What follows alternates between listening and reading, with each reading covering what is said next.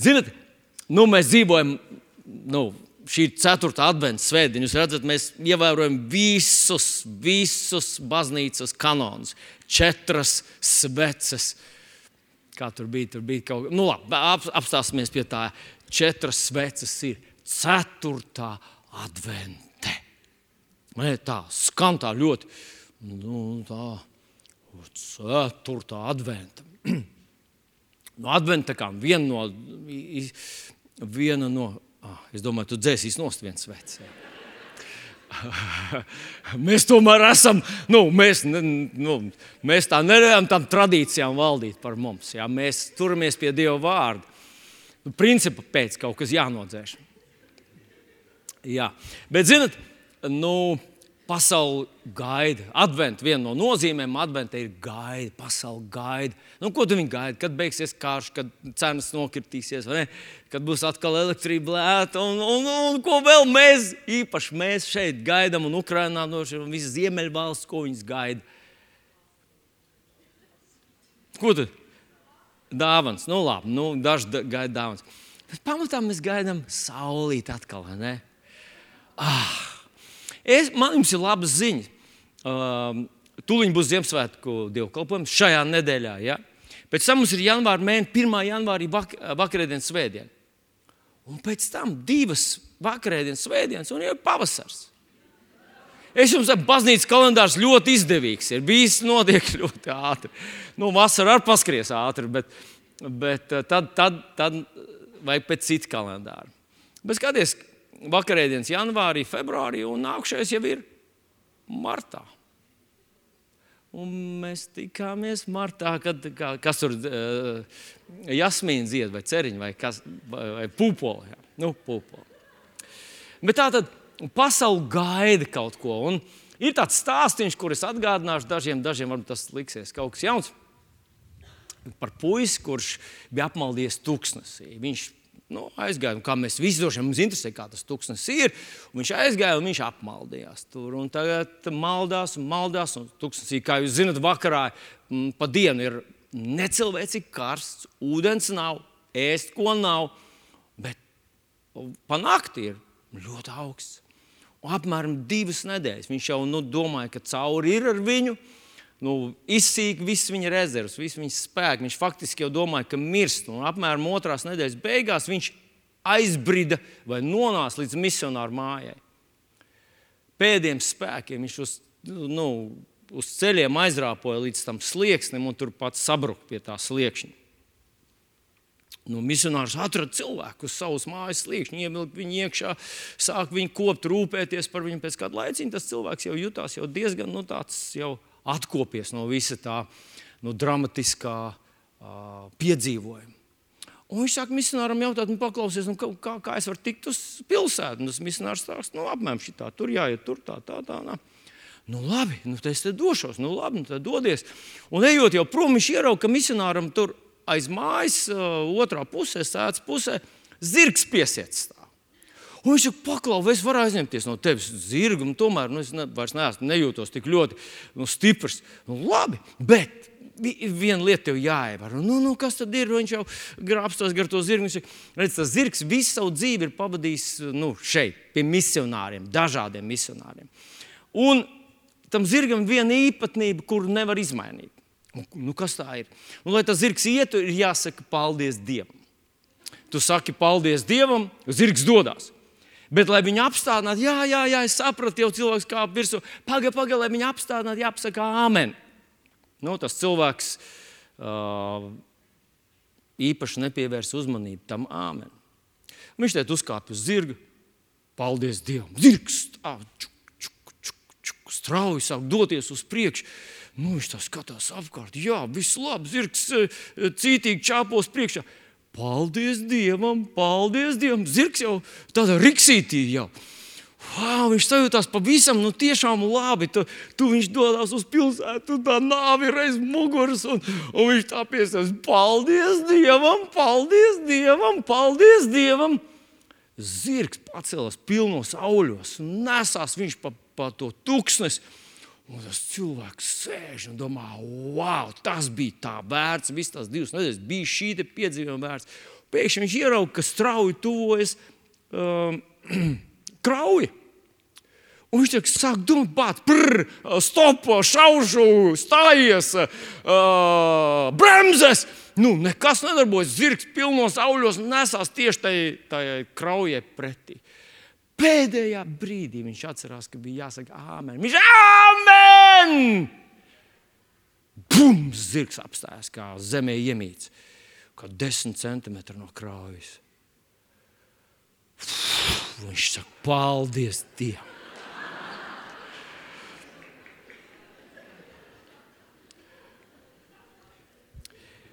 Ziniet, kā neiznāk ar, ar pasauli līdzīgi, ka visi mēs gaidām, kāda jau nu beigsies tur tās lielās problēmas. Un mēs zinām, ka ar pasauli tā notiks. Bībelē ir melns un balts uzrakstīts, ka teiks, ka nu ir miers un drošība. Tas nozīmē, ka pirms pašām tām, pirms pašām lielām kolīzijām nu, būs būs tāds nemierīgs laiks, un šobrīd tāds ir. Bet tā jau ir pati kulminācija, es to nemāku pateikt. Vienu gan es zinu, teikt, ka mūsu kristīgajā vēsturē bijuši vairāk posmu, kad cilvēki ir bijuši pārliecināti. Hitlera laikā kristieši domāja, ka tas ir, tas ir īstais, tas ir antikrists. Stalina laikā, padomju savienībā, cilvēki domāja, tas ir antikrists. Vis, tas visas pazīmes sakrīt. Un vēl daži antikristi. Viens mācītājs vienreiz teica, visi mani antikristi ir nomiruši un savu misiju nepiepildījuši. Un mēs dzīvojam šeit. Un šobrīd arī ir kādi cilvēki, kas jūs purina un saka, ir, ir, ir, tas ir jau tūlīt, jau tūlīt nāks, jau Kristus nāks paņemt savu draugu. Pāvils, uh, ja nemaldos, tā bija otrā vēstulīte Thessaloniķiešiem, otrā nodaļa. Ies, iespējams, ka jūs viegli atradīsiet. Viņš runā par tām lietām. Viņš saka, pat ja kāds pravieto, pat ja tas ir gari iedvesmots tā runa. Pat ja kāds nezin, saka, viņš saka, nesatraucieties, jo vispirms viņš min pazīmes, kam jau viņš viena no tām pazīmēm jāparādās grēka cilvēkam, atkāpšanās dēlam. Un, un viņš runā par Kristus paraušanu, par draudzes paraušanu, ka tas notiks tikai pēc tam, kad parādīsies šis grēka cilvēks, pazušanas dēls. Tā tad, nu, Tas nav tā, nu, ka, ka tas, mēs te vienkārši iesim pa ielu un bums, izrādīsies, ka tas ir antikrists. Nē, nē, nē. Pāvils saka, ka jūs skaidri to redzēsiet. Bet tā tad, kāpēc es to saku? Redziet, arī, arī, arī mūsdienu bērns mums, mums ir jāpiedzīvo diezgan liela visvisādi uzbrukumi mūsu apziņai, mūsu domas sistēmai, mūsu vērtībām. Un brīžiem tu redz, ka, kad uh, Dieva bērni paši pazaudē orientierus, pazaudē kaut kādu stipru pamatu zem kājām. Un tam tā nevajadzētu būt. Un viens, viens no tiem ir nu, par to, to skatījumu pašiem par sevi. Kas tad mēs esam? Ko mēs darām šajā pasaulē? Uh, cik droši mēs esam, cik nodrošināti un pasargāti mēs esam. Tas ir, tas ir nu, diezgan liels izaicinājums. Un šajos Ziemassvētkos arī ir tas laiks, kad cilvēks skatās atpakaļ uz Kristu. Viņš atnāca kā bērniņš, viņš jau maziņš. Un, un, un, un tā, tas stereotips, ka Jēzus ir tāds, nu, tāds trausls, tāds, tāds nesargāts, tāds tik ļoti tāds. Nu, un cilvēcīgs, un sargājams un vājš. Viņš ir ļoti izplatīts. Pat ja cilvēki nu, tā burtiski to nesaka, tas ietekmē arī mūsu Kristus sekotājus. Un tā ir patiesība, ka viņš pielīdzinājās cilvēkiem. Un cilvēku kārtā būdams rakstīts, ka viņš pielīdzinājās līdz pat zemākam cilvēkam. Viņš neatnāca Arnolds Schwarzenegger ķermenī. Viņš nenostājās kā tāds uh, filozofs ar tādu milzīgu uh, daļrunību, ja, kas tajos laikos bija ārkārtīgi godā un cieņā. Viņš neparādījās kā cilvēks ģēnijs, kas varētu nolikt pie vietas visus savus oponentus. Viņš to neizmanto. Viņš parādījās, vai viņš pieņēma šo visparastākā, vispēlēkākā cilvēka ķermeni. Viņš, viņš jāsaka tā, Ja tu domā, ka tu esi apdalīts, un tev nav kaut kas, un nav iedots, un nav piedots, un nav dā, dots, un, un tu esi tik parasts, un tev jācīnās par savu izdzīvošanu, Jēzus bija vēl šaurākās kurpēs nekā tavējās. Viņš pielīdzinājās un paņēma, uzvarēja visas tavas problēmas, lai tu sajustos kā uzvarētājs tajā savā vietā. Viņš pazina tevi, zināja, kā tu jūties, viņš to visu paņēma sevī. Un aizsteidzoties notikumiem, priekšā teikšu, viņš atrisināja to. Lai tu zini, ka tās tavas problēmas nav neatrisināmas. Viņš ir, ir atrisināts. Jēzus to izdarīja. Bet ir arī otra puse, un tā otra puse ir tā, ka Bībele mums ļoti skaidri pasniedz, kā uzvarētāji. Un viena no tām raksturvietiņām tā ir uh, grāmatā, 9. nodaļā, 5. pāns, kur es jums nolasīšu. Šeit pravietis runā, tie ir vairāk simti gadi pirms Jēzus patiešām atnāk. Bet re, kā viņš te saka, Iesaija 9,5. Jo mums ir piedzimis bērns, mums ir dots dēls, valdība guļ uz viņa kamiešiem. Tas nozīmē, viņš, viņš nāk ar varu. Viņš nāk ar varu. Viņa vārds ir brīnums, padomu devējs, varenais dievs, mūžīgais tēvs un miera valdnieks. Viņa vārds ir brīnums, padomu devējs, varenais dievs, mūžīgais tēvs un miera valdnieks.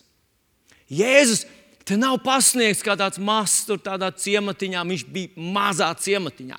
Viņš bija neievērojamā, sakautā, pakļautā tautā. Viņš bija starp neizcils, viņš, viņa mācekļi nebija ķeizari un faraoni un, un uh, karavadoņi. Tie bija neizglītoti uh, Izraels uh, pavalsts, tur maza miestiņa vīri. Bet viņš izdarīja neiespējamo. Viņš uzvarēja cilvēces, viņš uzvarēja kosmosa, uh, lielāko ienaidnieku. Viņš, viņš satvēra viņu, viņu melos, viņš atmaskoja, viņš atņēma viņam visu varu. Un kā pēdējais ienaidnieks, mēs zinām, ka viņš to jau ir izdarījis. Mēs, tas nav vēl manifestējies. Bet pēdējo ienaidnieku, kur neviens nekad nav varējis uzvarēt, nāvi, Jēzus arī uzvarēja. Viņš apstādināja šo cilvēces tādu vienvirzienu, dramatisko došanos uz mūžīgu pazušanu, uz mūžīgu nāvi, uz mūžīgu vientulību, mūžīgu bezcerību, mūžīgu tumsu. Viņš to apstādināja un atļāva katram, kas viņam uh, uzticās, katram, kas uz viņu paļaujas, viņš pavēra viņam ceļu uz mūžīgu prieku, mūžīgu mieru, mūžīgu sadraudzību ar Dievu. Jēzus izdarīja neiespējamo. Un Bībele mums viņu pasniedz kā tādu, kurš ap, apstādina vētru, kurš satrakot pūli, kas grib viņu nomētāt akmeņiem. Viņš iziet viņam cauri. Viņš ir tas, kurš kurš demonus padzen, kurš spitālības izārstē, kurš aklas acis atver, kurš 5000 izsalkuši cilvēks paēdina ar dažām maizītēm. Bībele mums viņu pasniedz kā dievu cilvēciskā miesā. Bet viņš pabeidz savu kalpošanu, viņš dodas prom. Un kad viņš pabeidz savu kalpošanu, aiziet projām, viņš atstāja mūsu savā vietā. Viņš atstāja mūs savā vietā.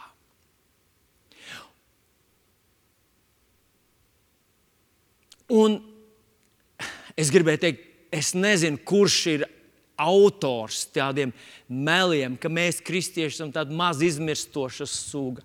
Mums vajag ierakstīt sarkanajā grāmatā. Mēs apturamies pie savām patiesībām, mēs tik ļoti šaubamies un nepūtiet uz mums, mēs nokritīsim, mēs neizturēsim vēl vienu vēju pūsmu. Mēs esam tik trausli savā šajā paļāvībā, pārliecībā, šajā atklāsmē par to, kas Dievs ir un kāds Viņš ir un kāda ir Viņa mums dāvinātā perspektīva. Kurš ir autors? Patiesībā es nevaru teikt, es nezinu. Es zinu, ka tas ir vislielākais cilvēks, kosmosa mēlis. Tas ir mēlis un melu tēvs. Viņš ir tas, kurš radīs šo stāstu par to, ka mēs jau ko tam mēs jau, mēs jau mums tā līdz kapam aizdzīvot, tad jau būs labi. Nē, Bībele Bībele. Apsolus Pāvils to pilnīgi redz, pilnīgi savādāk. Un ak, Dievs, kaut no mūsu acīm nokrist šīs zvīņas, kaut mēs izmainītu šo skatu, un kaut mēs ļautu, lai Dieva vārds mums iedod perspektīvu. Jo no tā ir atkarīgs ļoti daudz, kā mēs redzam situāciju. Nu, atgādināšu jums Romas vēstulīte 8. nodaļu 14. pāntu, kur apstāsts Pāvils raksta, vārdus, kas, nu, kuriem vajadzētu rezonēt katra kristieša dvēselē. Jo visi, ko vada Dieva gars, ir Dieva bērni. Tas ir tas pats Dieva gars, ir tas, kas par Elīnu nāca, par Simpsonu nāca, tas, kas par Zaulu nonāca, kas bija ar Dāvidu, ar Dānielu, kas bija ar Zadrahu, Mezaku un, un visiem vecās derības supervaroņiem. Viņš mūs vada. Jo visi, ko vada Dieva gars, ir Dieva bērni. Romiešiem nākošais pāns, mazliet pa, pa, pacitēšu uz leju, 15. Jo jūs neesat dabūjuši verdzības garu, lai atkal kristu bailēs, bet esat dabūjuši Dievu bērnības garu, kas mums liek saukt Tēvs, Tēvs. Pat ne Dievs, o, lielais, augstais, briesmīgais, taisnais Dievs. Viņš mums liek saukt Tēvs, mans Tēvs. Šeit tavs dēls uz tevi runā. Te bija kāda gada atpakaļ. Man pēkšņi atvērās tas, un es saku, Tēvs, Dievs, debes Tēvs, šeit tavs dēls! Pateicoties Jēzum Kristum, protams. Wow. Tātad viņš mums liek saukt tēvs, bet ja esam bērni, tad esam arī mantinieki, Dieva mantinieki un Kristus Jēzus līdzmantnieki. Jo patiešām, ja līdz ar viņu ciešam, mēs līdz ar viņu tiksim arī apskaidroti. Un tad viņš saka, šī laikmeta ciešanas ir nenozīmīgas salīdzinot ar to godību, kas par mums atnāks. Un tad viņš saka, visa pasaule, visa radība nopūstamās gaida, kad jau tā diena atnāks, kad kas, kas kad Dieva bērni parādīsies savā godībā. Wow! Wow! Ak, Dievs! Tu to vari visai Bībelē cauri lasīt, un tas, tas nu, Tam vajadzētu visu laiku korrigēt, mūsu to aplamo.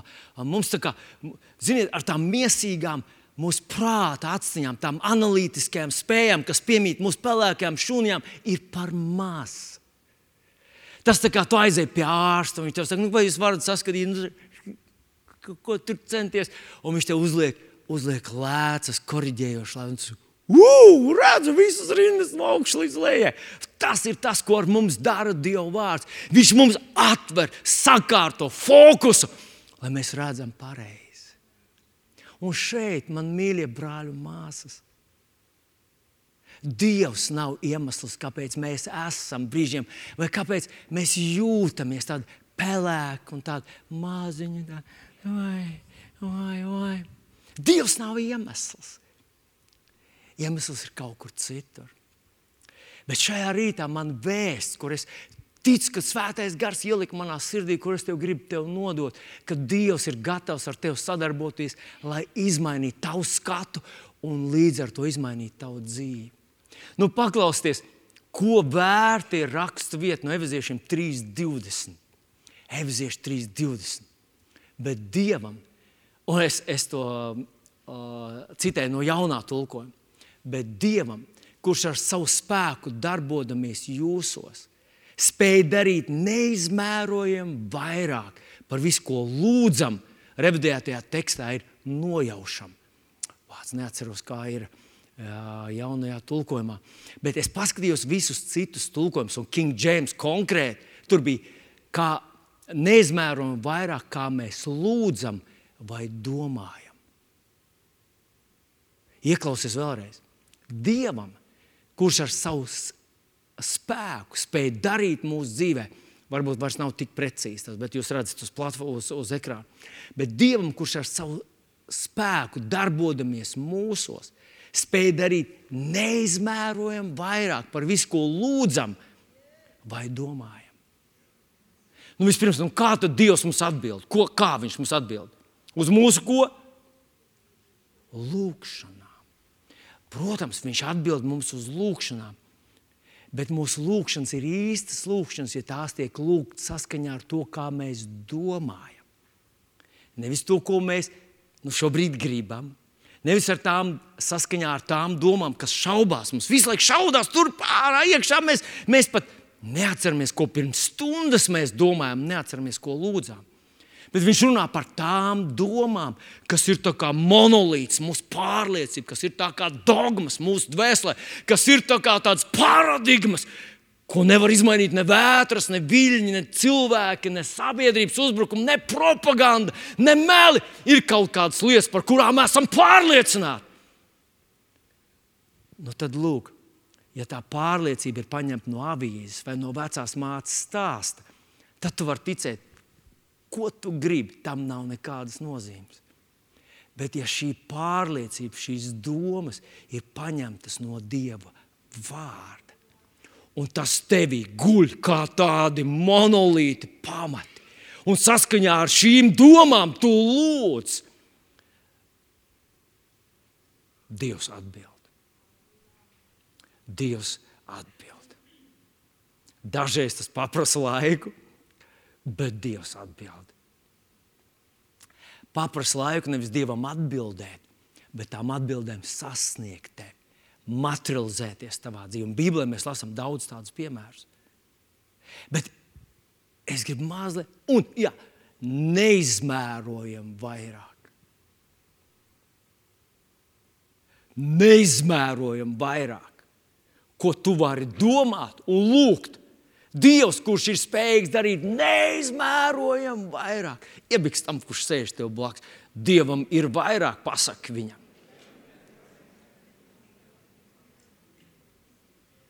Wow! Neizmērojami vairāk. Bet atcerieties, mēs runājam jau otro svētdienu, mēs runājam par cilvēka dvēseli. Ko mēs lūdzam, vai domājam. Vēseli lielā mērā ietekmē to, ko mēs no Dieva saņemam. Tas, ko mēs domājam, ietekmē to, kā Dievs mums atbild. Un tāpēc, tāpēc mīļie brāļi māsas, šodien es gribētu, lai tu uzmanīgi pasako man līdzi. Ja tev traucē tavs telefons, atdod viņam, tu uzdāvini Ziemassvētku dāvanu tam, kurš sēž tev priekšā, un pasaki viņam paroles pēc dievkalpojuma, tev pateikšu. Lai vienkārši, nu, zini, kā nenovērst viņam uzmanību. Bet ļauj, lai šis vārds uzrunā tevi, jo es ticu, ka tā ir maizīte. Nu, tā tad Efeziešiem 3.20 mēs tikko runājam par to, ka Dievs grib izmainīt mūsu ikdienu, mūsu mērogus un, un svētības līmeni. Bet šī, šī pati doma ir um, apakstuļa Pāvila Romiešu vēstulē 12 nodaļā, otrajā pantā. Un tas jau mums pazīstams, mēs arī to pieminējām iepriekšējā svētdienā, bet gribu vēlreiz atgādināt to vienkārši, lai, tu, nu, lai tas atkal at, atdzīvojas. Tā tad netopiet šai pasaulē līdzīgi, bet pārvērtieties. Kad apelsīns Pāvils rakstīja šo savu sūtījumu, viņš to rakstīja grieķu valodā. Un tur, kur latviešu Bībelē ir vārds, lietots vārdiņš, bet pārvērtieties. Tur lietots grieķu vārdiņš metamorfo. Me, no tā mēs esam paņēmuši vārdu metamorfoze. Metamorfoze ir tas process, kas notiek, kad zaļš tārps vai zaļš kārpūrs pārvēršas par tauriņu. Tu skaties vienu bildi, zaļš, neglīts, nepatīkams, neveikls tārps. Un tad notiek tā pārvēršanās vai tā metamorfoze. Un pēc kāda brīdi vēlāk tu redz tauriņu, kurš ir veikls, skaists, viegls, kurš paceļas pār, pārlido visiem bezdebiņiem un aizlido tur, kur kāpurs nekad nevarētu nonākt. Redzi, dažreiz mēs vērojam savu dzīvi un savas attiecības ar Dievu kā kāpuri. Un mēs domājam, nu, ko tad Dievs var izdarīt ar mani?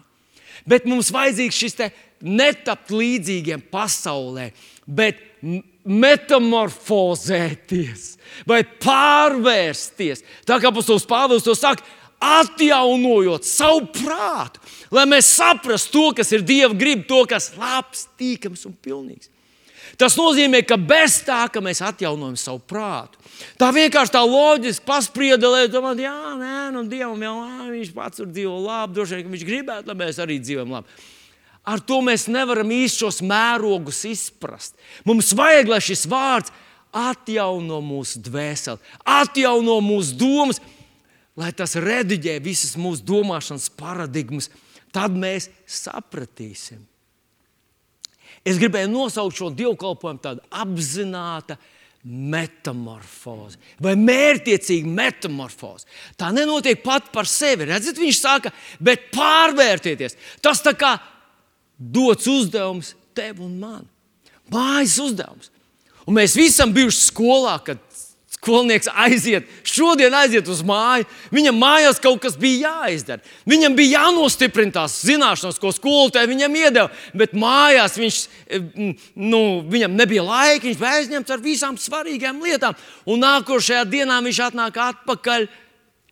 Ne tikai nenostiprinājis, viņš ir aizmirsis to, ko skolotājs viņam bija iedevis. Un ļoti bieži tas tā notiek ar mums, Dieva bērniem mēs nepārvēršamies. Mēs vienreiz viens mācītājs teica, ka dažu kristiešu smadzenes ir tā kā labs betons. Kārtīgi samaisītas un kārtīgi sacietējušas. Tur nav nekā viendabīga un tīra. Tur ir sajukums no visa kā un noprasēts kārtīgi. Mēs tādi negribam būt. Tāpēc mēs lūdzam, lai šis Dieva vārds lai tas izmaina mūs, pārvērš mūs. Un zinat ko? Man mīļie brāļi un māsas, man mīļie vīri un, un mīļās dāmas, sievietes, jaunieši un jaunietes.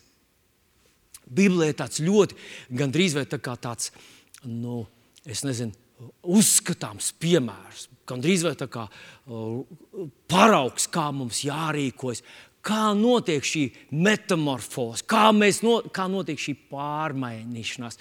Un tas ir uzrakstīts otrā ķēniņa grāmatā, otrajā nodaļā. Otrā ķēniņa grāmatā, otrajā nodaļā, te ir stāsts vai mazs fragmentiņš no pravie, divu praviešu dzīves. Tas ir pravietis Elīja, viņa beigu posms, pats pats beigu posms un Elīzes, viņa mācekļa kalpošanas sākuma posms.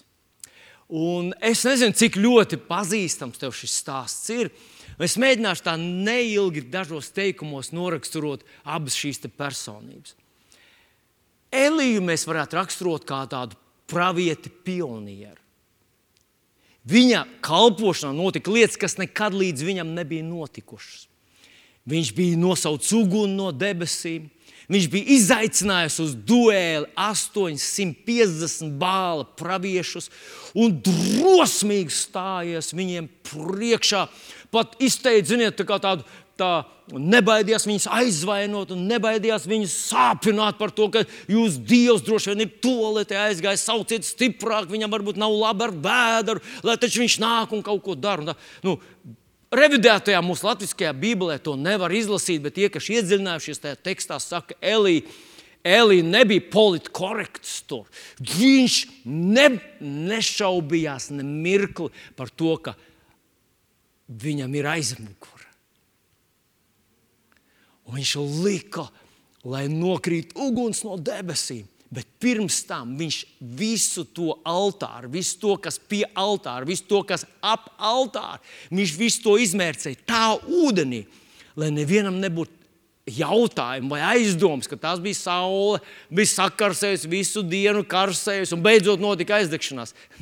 Tas viss bija izmircis slapjš un nokrita dievu uguns. Elīja vairākas lietas izdarīja, viņa dzīvē notika Neviens pravietis līdz tam to nebija izdarījis. Bet viņam bija māceklis, kas staigāja viņam līdzi un kalpoja viņam. Tas bija Elīze. Es speciāli pārbaudīju to, gatavojoties šim dievkalpojumam. 13 gadus viņš gāja šajā Bībeles skolā. 13 gadi. Elīze staigā kā māceklis, apkalpo, kalpo, gatavo, lai ūdeni viņam palīdz, viņam noberž muguru vai es nezinu, tās ikdienas parastās lietas. Un tagad pienāk tā diena, kad viņam jādodas prom. Elijam, Dievs grib viņu ņemt projām. Un vēl kāda zīmīga, zīmīga lieta. Elijam viņa dzīvē bija brīdis, kad viņš teica, Dievs, viss, es esmu izgāzies, izkritis, apkaunojis sevi, apkaunojis tevi. Es gribu mirt. Ņem mani mājās.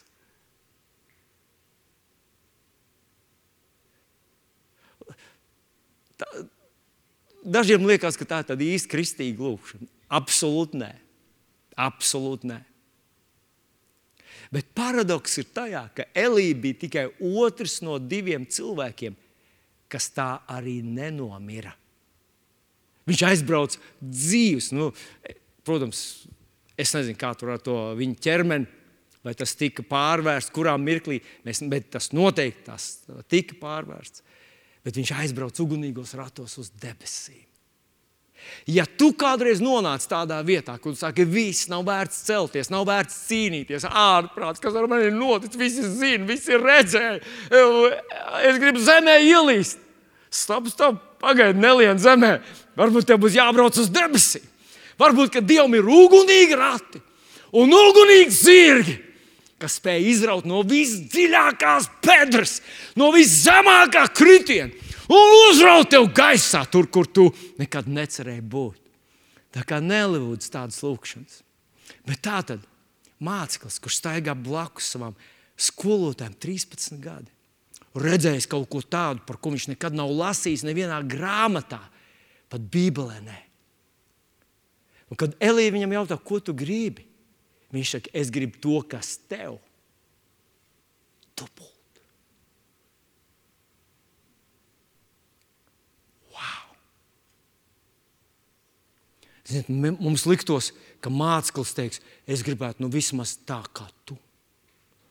Tas būtu daudz, ja es spētu savu skolotāju pēdās, savu lielo, nu, nezinu, o, o, rabīna vai, vai šitādu lielu praviešu pēdās, es varētu iziet tāpat kā tu. Tas būtu sasniegums. Bet Elīze saka, es gribu to dubult.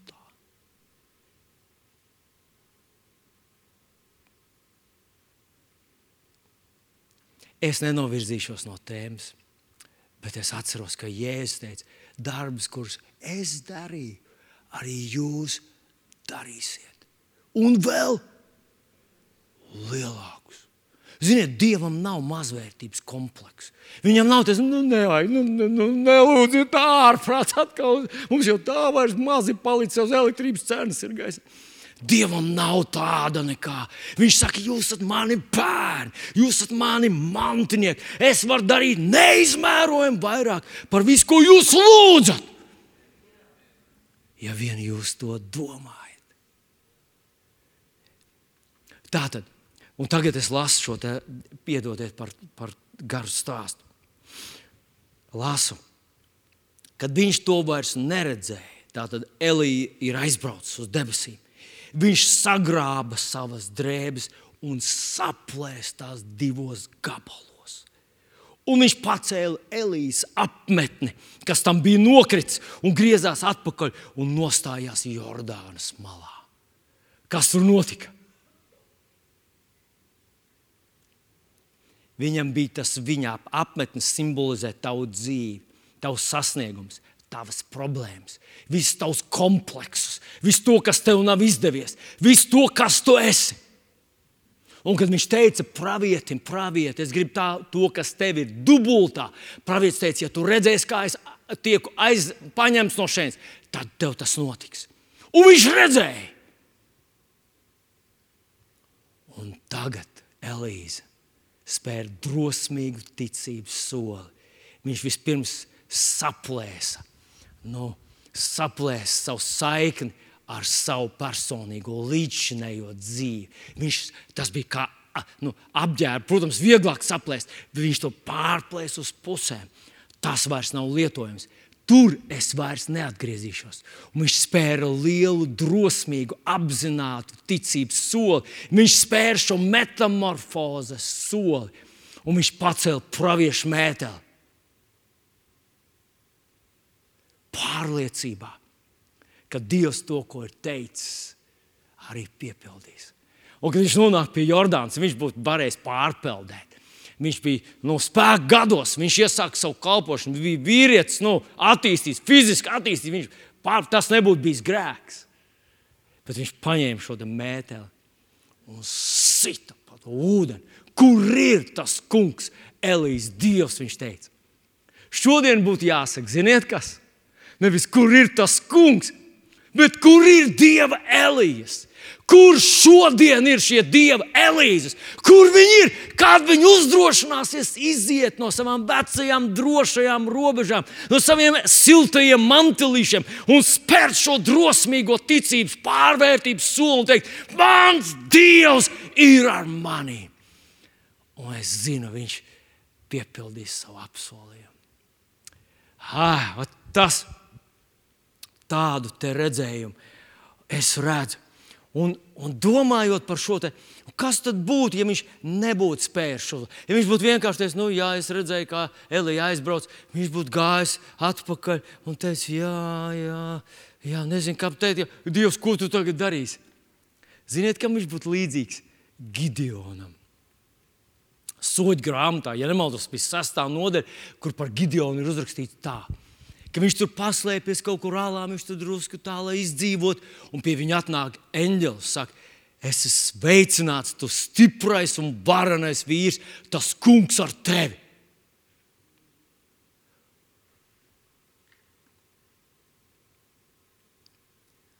Un Gideons saka, kā lūdzu? Paklausies, bet tā bija patiesība. Dievs bija ar viņu. Visu šo laiku viņš bija tas stiprais un varenais vīrs, ar kuru ir tas kungs. Viņš vienkārši nespēja šo savu drosmīgo ticības soli. Viņš nepieņēma izaicinājumu šajā pasaulē. Jā, es esmu tas, kur Dievs ir nolicis. Izraēla Dievs, debesu un zemes radītājs, ir ar mani. Viņš man palīdzēs.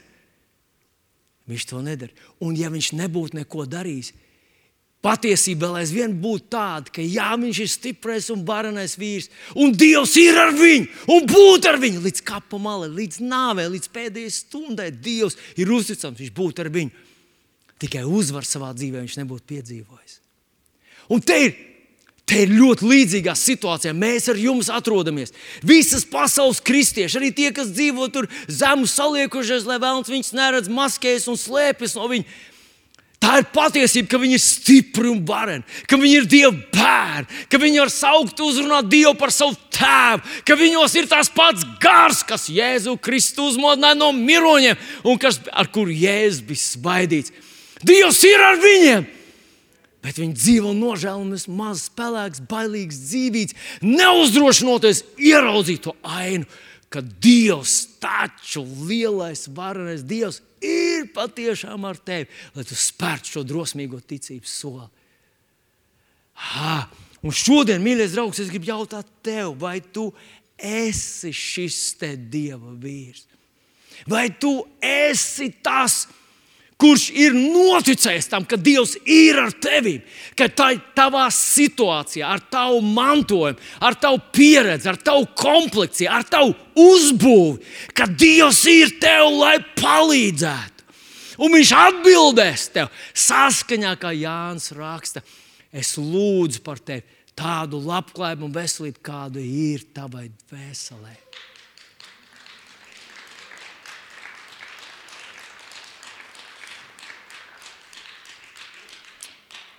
Un, mīļie draugi, paldies jums! Mīļie draugi! Iepriekšējā svētdienā mēs lasījām no Evaņģēlijas vēstures 4. nodaļas, 17, 18, 19 līdz 20 pantam. Un tur apelsīns Pāvils teica, kā mums nevajag dzīvot. Bet šodien es gribētu šajā pašā nodaļā paturpināt uz priekšu, kur viņš runā par to, kā mums vajag dzīvot. Viņš runā par dvēseli. Un, mīļais draugs, es ļoti ceru, ka tu paņemsi to. Tas nav kaut kāds sarežģīts, grūts, smags teksts, kur nemaz izlasīt nav iespējams, kur nu vēl saprast un atcerēties. Īstenībā tas ir ļoti vienkārši atvērts un pieejams, kur tu viegli vari paņemt. Un tātad es esmu atvēris savu Bībeli vaļā, Efeziešu vēstulītē, 4. nodaļā, un izlasīšu tā kā divās daļās sadalīšu. Pirmais no 20. līdz 24. un pēc tam no 25. līdz 32. Nu, tātad pirmo pirmo fragmentiņu lasu no 20. Tātad iepriekš viņš teica, ka sirdsprāta tukšība, apcietinājušies, nesapratnē, nezināšanā, atsvešinājušies no Dieva. Un tur vēl viņš dažas lietas pieliek klāt, bet tad viņš saka, tā jūs to taču es izlasīšu. bet tā jūs Kristu nesat mācījušies. Bet jūs par viņu esat dzirdējuši un mācījušies tā, ka patiesība ir Jēzu. Ka līdz ar agrākās dzīves veidu jums jāatmet vecais cilvēks, kas savu kārību pievilcis iet bojā, un jāatjaunojas savā sirds prātā. Un jāapģērbi jaunais cilvēks, kas radīts pēc dieva patiesā taisnībā un svētumā. Redzat, viņš tieši pilnīgi grafiski atkārto šo ainu, ko Elīze izdarīja. Viņš saplēs tos vecās drēbes. Nē, es vairs neesmu tas. Es nerīkošos vairs tā, kā es to darīju līdz šim. Es esmu cits. Un šeit viņš saka tieši to pašu. Mēs varētu 20 un 21 pantu izteikt šādiem vārdiem. Jūs taču esat mācījušies, jūs taču esat dzirdējuši, kāds ir Kristus un kā mums vajag dzīvot kā patiesiem viņa mācekļiem. 22. pantā viņš saka, jums jāatmet tas vecā cilvēka, jānoģērb tā vecā cilvēka lietas un viņa rīcība. Ziniet, kāpēc? Tāpēc, ka tā vecā cilvēka vairs nav. Tavs vecais cilvēks, tas vecais grēcinieks, atkarīgais, ļaunais, melnis, tas cietsirdīgais, tas es nezinu, kas, at, nu, kas tu biji pervers, varbūt, vai vēl, vēl kaut kas iedzimts, kaut kas ļauns. Tas ir nomiris. Tas ir miris galtiešiem 20. Pāvils saka, līdz ar Kristu esmu krustā sīs. To viņš citē tavā vārdā. Tu droši vari teikt, ka tu vecais vilnis, vecais riebīgais, ļaunatminīgais, atriebīgais, tas, kurš ir skops, tas, kurš ir alkatīgs, tas, kurš ir netikls, tas ir nomiris. Halleluja!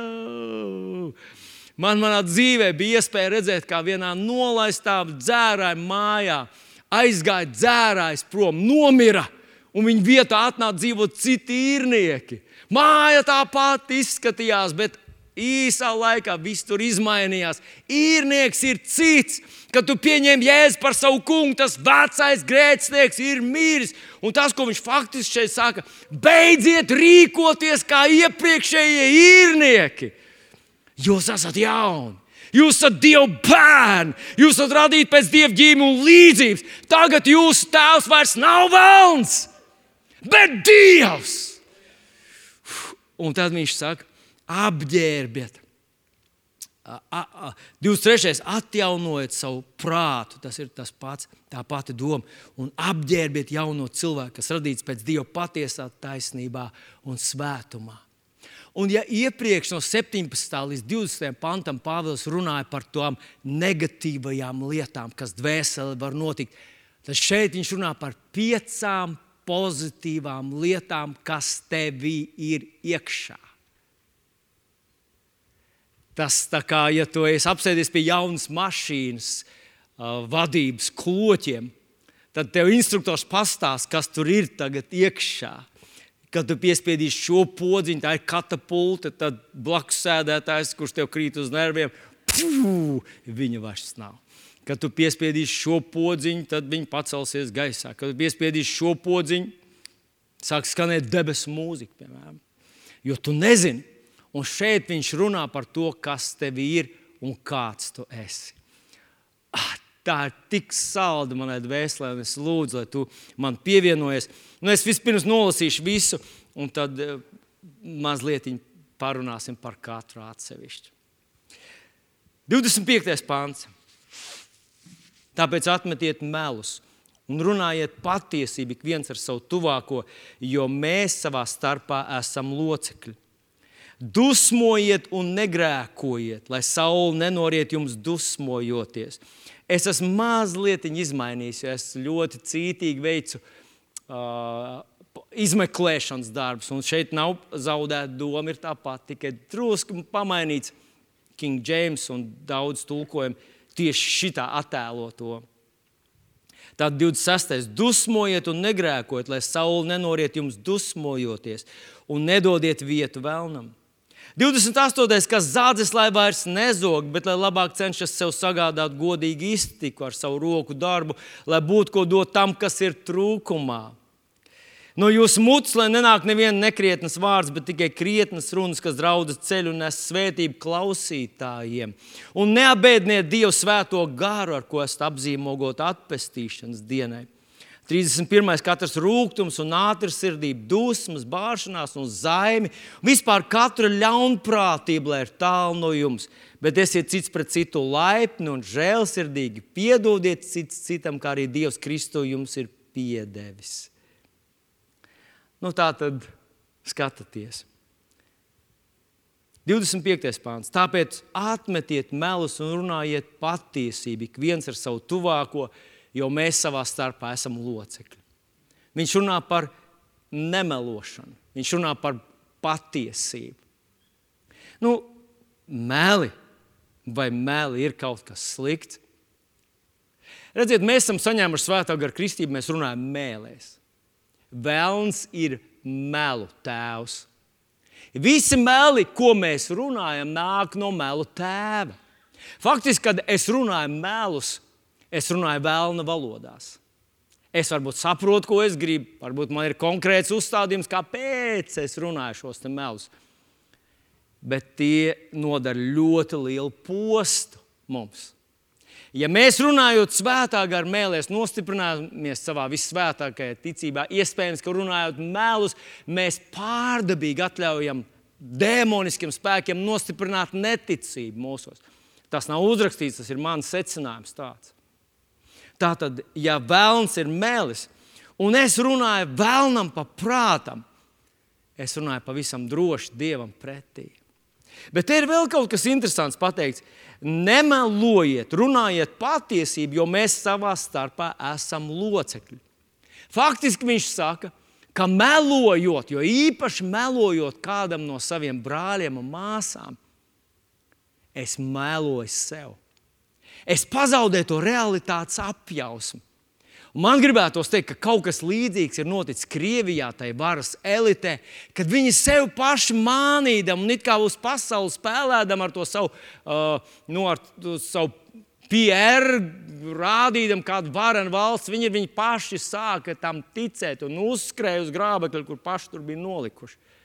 Un tas notiek ar Dieva bērniem, kas vairs nav godīgi, vairs nav patiesi. Tu gribi izlikties svētāks, tu gribi izlikties garīgāks, tu gribi pateikt to, kas nav bijis. Tu esi saņēmis atklāsmi, kur tu neesi saņēmis, un tā tālāk.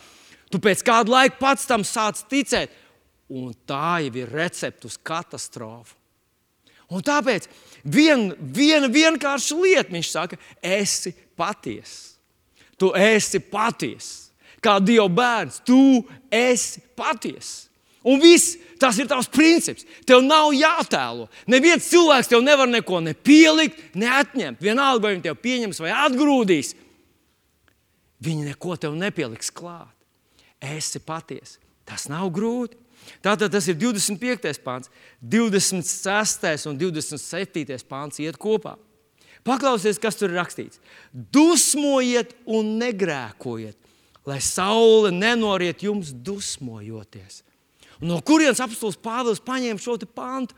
Viņš to paņēma no psalmu grāmatas 4. psalma 5. pāns, kur rakstīts mūsu revidētajā tekstā: dusmojiet, bet negrēkojiet. Tā tradicionālā izpratne ir tāda, nu, mēs esam tikai cilvēki. Mēs jau dusmas ir normāli, dusmas ir normāla reakcija. Un mums Dievs ir devis atļauju veselu dienu dusmoties. Veselu dienu. Ha! Tu vari izspļaut, izvēmt, tu vari izšaut, tu vari visu to izlādēt ārā, ielādēt kādu savu mīļu, tuvu cilvēku, iemem viņu dvēselē. Viņš ar to cīnīsies pēc tam mēnešiem un mēnešiem, bet tev paliks vieglāk. Vai tiešām tas ir tas, ko, kas tur ir uzrakstīts? O, nē, mīļie brāļi un māsas, es gribētu, lai mēs šodien paskatāmies pavisam savādāk uz šo pantu. Īstenībā viņš saka tā. Viens Bībeles tulkotājs, viņa vārds ir Voests, šo pantu iztulko šādi: paklausieties. Esiet pastāvīgi dusmīgs ar taisnīgu sašutumu un beidziet grēkot. Neļaujiet saulē norietot pār jūsu aizkaitinātajām, satrauktajām un rūktajām dusmām. Esiet pastāvīgi dusmīgs ar taisnīgu sašutumu. Esiet pastāvīgi dusmīgs ar taisnīgu sašu. Esiet dusmīgs, esiet dusmīgs, esiet pastāvīgi dusmīgs. Un lai nekad šīs dusmas nenorimst, tas nozīmē, lai saule nenoriet, lai neapstājas, neiemiedziet, dusmojieties. Vai tas nav kaut kas pilnīgi, pilnīgi no citas operas? Nu, tā varētu teikt tikai cilvēks, kurš nelasa Bībeli. Paklausies ebrejiem 1,9. Tu esi mīlējis taisnību un ienīdis netaisnību. Tāpēc Dievs, tavs Dievs, tas ir runa par Jēzu.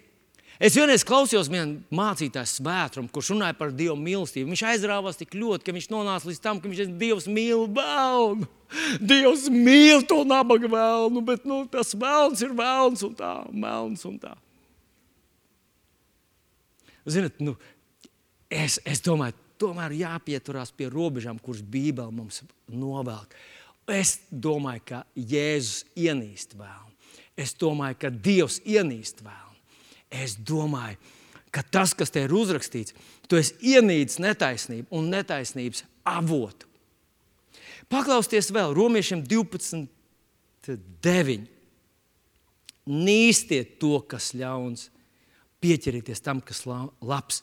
Psalms 97, 10. Jūs, kas to kungu mīlat, ienīstiet ļaunu. Viņš pasargā savu svēto dvēseli, viņš tās izglābi no bezdieva rokas. Pamācības 8,13 bija tā kunga priekšā ienīst nelāgo, ienīst tukšu iedomību, augstprātību un ikvienu ļaunu ceļu. Un manī mīt naids pret netaisnām un neīstām runām. Amos grāmatā 5. nodaļa, 15. pants - ienīstiet ļauno! Un mīliet labo. Spriediet ar vienu jūsu vārtos taisnu pēc taisnības, tad Dievs, tas kungs, būs jums žēlīgs.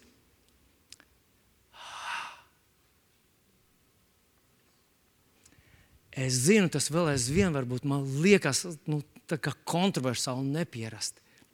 Es jums ļauju izstāstīšu vienu piedzīvojumu no mūsu garās laulības dzīves. Mēs ar Līgu dzīvojam, tas ir ļoti spilgts piemērs. Tas bija Uh, mūsu laulības sākumā mums bija pirmais dēliņš, Walters mums jau bija. Un mēs īrējām vienistabas dzīvoklīti tādā vienā mājā, kur pirms tam bija dzīvojuši ļoti savdabīgi cilvēki. Es atceros, ka kādus gadus pirms mēs tur nonācām tajā dzīvoklī, es uh, gāju pa ielu, tas bija tur, tur nu, nenosaukšu to ielu. Uh, un cilvēks stāvēja uz ielas un skatījās uz logu un rādīja ar pirkstiem. Un, kad es piegāju klāt, es arī apstājos un sastingu. Tur tajā logā bija redzams, kā žurka lien augšā pa aizkariem, un acīm redzot, viņas mērķis bija tas vēdlodziņš, kas bija vaļā. Vai nu viņai bija palicis pārāk nepatīkami no tā nesvaigā gaisa, viņa gribēja svaigu gaisu ielpot vai ko. Es nezinu, bet tas bija. Tas bija kaut kas, ko visi skatījās tādā milzīgā tā zooloģiskā dārzā uz pērtiķiem. Tā bija žurka, kas līdz dzīvoklī, kurā dzīvo cilvēki, žurka līdzi pa aizkariem. Tad dažus gadus vēlāk mēs nonācām tajā dzīvoklī, un mums viņu izdevās noīrēt. Protams, viņš tika iztīrīts, izmazgāts, izkrāsots, izlīmēts jauns, tāpēc mēs tur salikām visu. Mēs gribējām dzīvot, nu, jaunas ģimenītes, to satraukumu, pilno to prieku un laimes pilno uh, dzīvi. Un mēs nenojautām, ka kā tie, tie iedzīvotāji ir aizgājuši, bet žurkas ir palikušas. Un, protams, pagāja kādas divas dienas, līdz mēs sapratām, ka mūsu uz tām caurumainās grīdas uzlī, uz, uzklātais preskartons un tās jaunās līstas gar malām. Tās nav šķērslis žurkai, un pēkšņi no rīta mēs konstatējam, ka caurumi ir palikuši lieli un, un kaut kur kaut kas ir sagrausts. Es aizgāju uz veikalu, padomu laiku, tie bija nopirkuši žurku lamats un salikuši žurku lamatīņus. Mēs domājam, problēma ir atrisināta. No rīta mēs piecēlāmies, žurku lamats bija izmētās pavisam citur, un visas bija ciet, un neviens nebija tur iekšā. Mēs sapratām, ka viņas ir gan stipras, un tās lamats nav gan efektīvas. Es uzliku tās lamatas, un, un domāju, nu, kad, kad uh, klausīšos, kad viņas aizcirtīsies, tad iešu skatīties, kas tur notiek. Un Viņas aizcirtās nu dienu. Un es naktas vidū gāju skatīties, kas tur ir. Jā, tur bija žurka, ka viņi skatījās uz maniem savām acīm. Un, tur. un tad es domāju, kā lai tiek ar viņu galā tagad. Un man nebija nekā pie rokas, kā lai izdzēš gaismu viņai, un viņa aizmuka atkal. Un mēs skatījāmies savu grīdu, kas ar vien vairāk pārvērtās par tādu, ziniet, tādu īstu caurumainu grīdu ļoti īsā laikā. Mēs sākām nu, pieņemt tādus radikālus mērus. Un kaut kad, kaut kad, kad tikko mēs atklājām šo problēmu, un Līga par to uzzināja, es paskatījos uz viņas seju. Un tur bija bezjēdzīgi stāstīt, ka tie ir mūsu mazākie brāļi. Un, un, un, un ka tā žurka jau ir kā kāmītis, nu, tikai viņa tāda ātrāk skrien un tā. Viņas sejas izteiksmē saprata, ka mums ir absolūti vienprātība. Ir sācies karš. Turpmākās naktīs, kad gulos, gāju gulēt, es noliku pie blakus gultai āmuru. Jo tad, kad es dzirdēju naktī, vienalga, cik tas notika, vienos, divos, trijos, četros, kad aizsirtās lamats, es lecu kājās, grābu āmuru un gāju slēgt ārā gaismu. Uh, un es uzliku pa jaunam tās, tās lamats. Bet, ziniet, pēc kāda laika lamatās vairs negāja neviens. Un tas notika pilnīgi, tu vari dzirdēt to kustību. Es atnesu mājās cementu, sajaucu cementu, leju tajā salās. Un iespējams, ka kāds man neticēs Acīm redzot, karu bija izsludinājuši arī žurkas. Kamēr tās cements vēl nebija sacietējis, viņas izrakās cauri un līd iekšā. Viņas negribēja atdot savu teritoriju. Bet mēs bijām izlēmuši. Mēs, kā Zelenskis, teicām, mēs nepadosimies, nekādas sarunas, nekādu kompromisu. Karš! Mēs karosim, lai vai kas. Un tās bija tādas svētas dusmas. No jūsu smiekliem es dzirdu, ka lielākā daļa saprot mūs. Jūs arī būtu rīkojušies līdzīgi. Un es nesapratu tos cilvēkus, kas varēja dzīvot pirms tam tajā dzīvoklī. Un, ja viens žurka nelīd viņam šķīvī, viņš neko daudz neizrādīja. Kā teica, tiši, tiši ej tālāk. Tā nav tava māja. Mūsos dega naids, karš, dusmas. Bet padomājiet, mīļie draugi, vai vēlams nav sliktāks par žurkām? Cik daudz dzīves viņš nav izpostījis, cik daudziem jauniešiem nav atņēmis viņa jaunību, dzīvi, atņēmis veselību, atņēmis sapņus, sačakarējis viņu dvēseles, pārvērts viņus par maniakiem, seksuāliem maniakiem, atkarību maniakiem, naudas elkiem naudas uh, nu, kalpiem un tā tālāk. Un, ko viņš nav izdarījis ar pasauli, cik daudz cilvēku, ģēniju, cik daudz mākslinieku nav izdarījuši savus mākslas darbus, uzzīmējuši, uzgleznojuši, izveidojuši, cik daudz izcilu politiķu, dievu vīru, dievu sievas, dievu brīnumaini cilvēki nav pabeiguši savu ceļu, tāpēc ka vēlns Un mūsos ir kaut kāds liturģisks miegs. Mēs tā kā guļam, tā kā aizmiguši. Mēs dzīvojam tā, it kā nu, nu, viņš jau neuzbruks, viņš jau te blakus bruņojas, bruņojas, bruņojas, bet nu, viņš neuzbruks. Mēs tā kā, tā kā Ukraiņa tajā pirmajā ciklā, nē, neuzbruks, tas ir brāļu tauta, mums ir viena ticība, mums ir viena garīdznieka, mēs lasām vienu bībeli. Nevar būt, ka viņi mums uzbruks. Bet tad, kad 14. gadā viņi paņēma Krimu, tad Ukrāņi saprata, mums ir jāgatavojas karam. Un visus šos astoņus gadus viņi gatavojas. Tāpēc Ukrāņi dara to, ko viņi dara. Ka viņi neaizmig, viņi neļauj saulē norietēt par šīm savām dusmām, sašutumu, par šo savu sāpju. Nē, es neatdošu tev savu dzīvi, neatdošu savus bērnus, neatdošu savu ģimeni, neatdošu savu zemi. Nē, tu nedabūsi no manis neko! Manuprāt, tieši tas ir tas, ko mums saka šeit. Apstults Pāvils viņš saka, dusmojieties, dusmojieties par vēlnu, dusmojieties par to, ko viņš jums ir nozadzis, dusmojieties par to, ko viņš ir izdarījis jūsu veselībai, jūsu ģimenei. Cik no jūsu radiem aiziet uz elli, ja jums par maz ir šo emociju, ja par maz tās sāpes, uztaisiet sārakstu ar garu sārakstu Ziemassvētkos, apsveiciet viņus pēc maniem aprēķiniem. Vēlns ir panācis visu, lai tu aizietu uz elli. Bet, ja tu gribi mainīt šo trajektoriju, piezvan man, atnāc uz mūsu dievkalpojumu, izdara kaut ko. Vai tam nevajadzētu izraisīt mūsos tādu sašutumu, ka mēs neļaujam norietēt tai saulē? Un tas ir tas, ko viņš mums saka. Hei, kristiet, pirmka, pirmajos divos pantos, pirmajā pantā viņš saka, es patiesi, otrajā pantā viņš saka, karš! Karš, karš, karš! Karš ne ar cilvēkiem, ar to ienīstamo radījumu.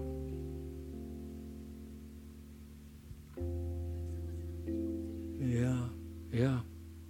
Ir viens pareizs, man sieviņa saka, karš. Daniela grāmatā, 7. nodaļā, 2. pantā, Daniels saka, es redzēju parādību, četri vēji, dzina ūdens masas un sakuldam augstus viļņus. Mums ir tā dziesma, tā kā varens vējš, tā kā uguns liesma. Ziniet, man ir tāda pārliecība, ka Dievs sūta savu svētā garu vēju kopš augšas istabā, vakarēdie, um, um, tajā augšas istabā. Uh, um, kas tā? Svētā gara kristība, vai kas tā bija? Pad, pad, Vasaras, vasaras svētkos, pareizi. Kā tas vējš grib pamodināt kristiešu, lai mūsos paceļās šis sašutums, ak, kungs, es neatdošu ne gramu, ne, neko, ne tikai tie sajūtīšu tavu smaku, es te uzbrukšu, es lietošu savus ticības ieročus, es saistu tevi. Jēzus, patiesībā Tā ir mūsu misija, kad viņš nobeidz savu, savu uh, Marku 16, 17. un šīs zīmes ticīgiem ies līdz manā vārdā, tie ļaunus garus izdīs. Lūkas 10, 19. Redziet, esmu, esmu devis spēku, var staigāt pāri čūskām, skorpioniem, pāri katram ienaidniekam spēkam. Mēs esam vienīgā institūcija pasaulē, kas var apturēt dēmonus. Kas var apstāt, nostāties pretī demoniskām slimības izcelsmēm. Mēs varam! Un varbūt tas nenostrādā uzreiz, Bet mūsu piemērs, mēs ar tām žurkām tikām galā. Tas paprasīja, lai mēs ar viņu. Bet mūsos, ja tu tagad atnesīsi mums žurku Ziemassvētkos, tu izlidos kopā ar, ar savu dāvanu ārā no mūsu mājas, mēs to nevaram sagramot. Un, ak, kungs, palīdz man, lai, lai šī saulīte nenoriet pār manu, par manu svēto sašutumu. Tālāk viņš saka, vēl tikai divas lietas. Jūs izlasīsiet mājā. Pirmais, es patiesi. Tas piedod vērtību visam citam. Es īsti tev nevajag izlikties. Otrais, karš. Karš. karš. Tavā dvēselē ir jābūt karam pret tavu ienaidnieku. Nevis kā jērs gaida, ka viņš te uzbruks un saka, jēzus, jēzus, bet nostājas pretī viņam. Trešais. Es aizmirsu.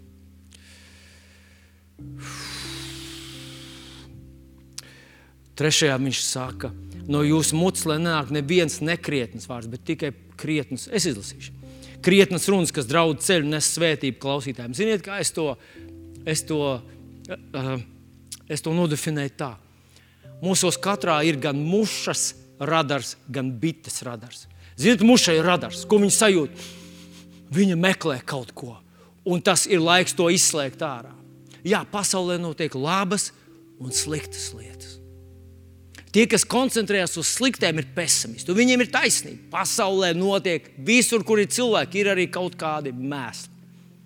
Bet pasaulē notiek arī labas lietas. Un bites ir koncentrējās, viņa radars uzrāda pilnīgi citas lietas. Un tas, tas ko apelsīns Pāvils saka, viņš saka, uh, ne, trešā lieta bija. Nezodz, zaglis, nezodz, esi devējs. Tad viņš saka, ieslēdz bites radaru un pēdējais cilvēku magnēts. Viss tas, ko jūs lasat tajā 31. 32. pantā, runa par attiecībām. Bet, nu, mēs, es domāju, ka mēs varbūt kaut kad atgriezīsimies Bībeles skolā pie šīm tēmām vēlreiz. Bet varbūt, ka nobeidzam ar šo kara tēmu. Es ļoti gribētu, lai Svētais Gars to pamodina tevi, lai tu izēj no šejienes ārā tāds karavīgi noskaņots. No, nu, Nē, nē, es vairs negaidīšu. Negaidīšu, kad tu paņemsi pirmo bērnu, nekas, otru bērnu, no labāk nekas. Bet